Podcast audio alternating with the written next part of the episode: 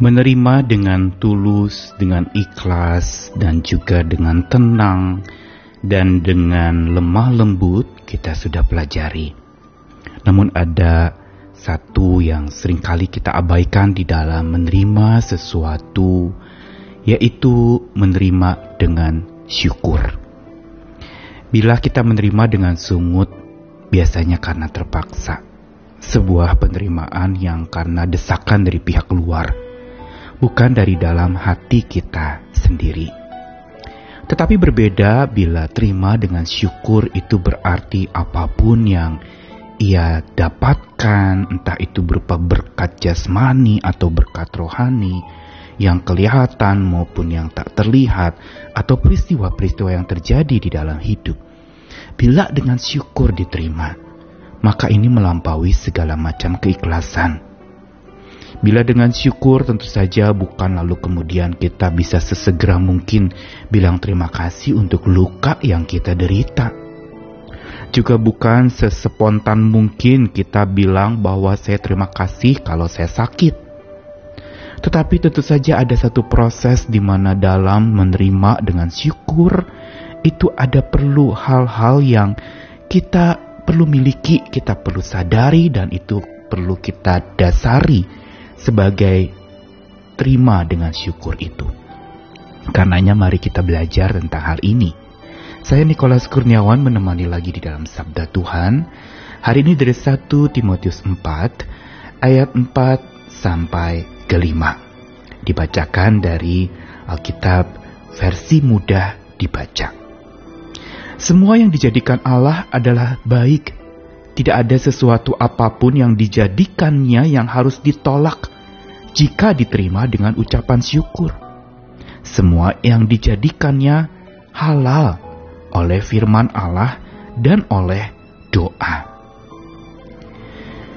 Surat Paulus kepada jemaat di Efesus melalui seorang anak rohani Paulus yaitu Timotius mengajarkan dan menegur orang-orang yang pada waktu itu di jemaat itu terjadi dua hal yang menjadi penyakit rohani yang dialami oleh orang-orang percaya. Penyakit pertama adalah kemurtatan. Murtad yang berarti beralih dari iman yang semula kepada Tuhan menjadi kepada diri sendiri atau kepada hal lain selain Tuhan. Murtad berarti berbalik dari Tuhan dan membelakangi Tuhan bukan meletakkan Tuhan sebagai yang di depan memimpin hidup, tapi diabaikan dan dibiarkan Tuhan ada di belakang, ditinggalkan begitu rupa. Selain kemurtatan terjadi juga kemunafikan, yaitu orang-orang yang begitu patuh pada hukum tapi memakai hukum itu untuk lalu kemudian mereka hidup di dalam sandiwara mereka memakai hukum-hukum itu untuk melarang orang kawin, melarang orang untuk makan makanan tertentu, dan di sini justru terjadi sebuah kerusakan dalam keimanan orang-orang percaya pada saat itu, sehingga Paulus mengingatkan dan mengajarkan kepada Timotius untuk menegur mereka. Dengan satu dasar, tentu saja teguran ini bukan semata sebuah teguran amarah, tapi teguran kasih sayang yang ingin mengingatkan orang-orang yang menerima surat 1 Timotius ini. Yaitu bahwa dikatakan segala sesuatu yang diciptakan Allah itu baik. Atau semua yang dijadikan Allah adalah baik. Dikatakan semua yang berarti bukan satu dua.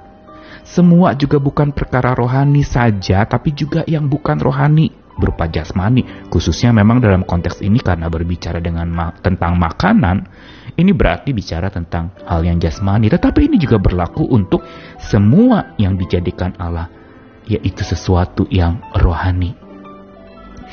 Dan begitu juga peristiwa-peristiwa yang diizinkan Tuhan terjadi. Dikatakan itu semua yang dijadikan Tuhan atau atas izin Tuhan itu adalah baik. Dengan satu tujuan baik agar orang-orang menjadi lebih baik dan diperbaiki oleh peristiwa atau kejadian itu. Dan kemunafikan mereka makin nyata lagi dengan mereka lalu kemudian tidak menerima dengan syukur. Penuh sungut-sungut karena mata mereka dibutakan oleh hukum dan aturan sampai relasi manusia satu dengan yang lain tidak diperhatikan lagi. Mereka menganggap bahwa dengan pemberlakuan dan penegakan hukum yang berlaku itu akan membuat mereka menjadi benar dan mereka menganggap diri mereka menjadi lebih rohani, lebih beriman, lebih tumbuh dewasa dan terhormat sebagai orang beragama. Jelas, ini adalah sesuatu yang Tuhan tegur dengan keras. Yaitu sebuah kehidupan di mana kita mempunyai sebuah kesadaran dan pendasaran yang jelas tentang menerima dengan syukur itu. Karena dikatakan tidak ada sesuatu pun yang tidak dijadikan Tuhan. Dan tidak bisa kita tolak apa yang dijadikan Tuhan itu, sekalipun mungkin menurut pandangan kita tidak sesuai dengan maunya kita. Dikatakan apa yang dijadikan Tuhan tidak ada alasan untuk kita tolak. Tapi sebaliknya kita perlu terima dengan ucapan syukur. Dengan satu dasar, dengan satu kesadaran yaitu bahwa semua yang dijadikan Tuhan itu halal oleh firman Allah dan oleh doa. Kata halal di sini juga bukan perkara bicara makanan semata atau berkat jasmani saja. Tapi halal di sini bahwa Tuhan menjadikan segala sesuatunya itu baik adanya. Yang membuat kita anggap itu buruk adalah pandangan kita sendiri atau salah tafsir kita kepada apa yang Tuhan larangkan atas kita. Karena itu kita perlu mempunyai sebuah perspektif iman yang makin dewasa, yang makin mempunyai wawasan-wawasan yang diperluas untuk supaya kita sadar dan kita berdasarkan semua yang dijadikan Allah, semua yang terjadi bersama dengan Allah yang maha baik itu adalah baik adanya. Dan apalagi semua yang sudah dijadikan Tuhan itu bila itu dibawa di dalam firman Tuhan dan oleh doa itu dikuduskan oleh firman dan doa, maka makin kita harusnya tidak ada alasan untuk menolak segala sesuatu. Kita perlu terima dengan syukur yang dalam. Ucapan syukur dari hati dan ucapan syukur dalam hati yang menyeruak keluar menjadi sebuah kelegaan, keikhlasan, ketenangan, kedamaian dan lemah lembut seperti yang kita sudah pelajari dalam pelajaran mengenai menerima. Karena itu mari kita belajar menerima lagi kali ini dengan bersyukur.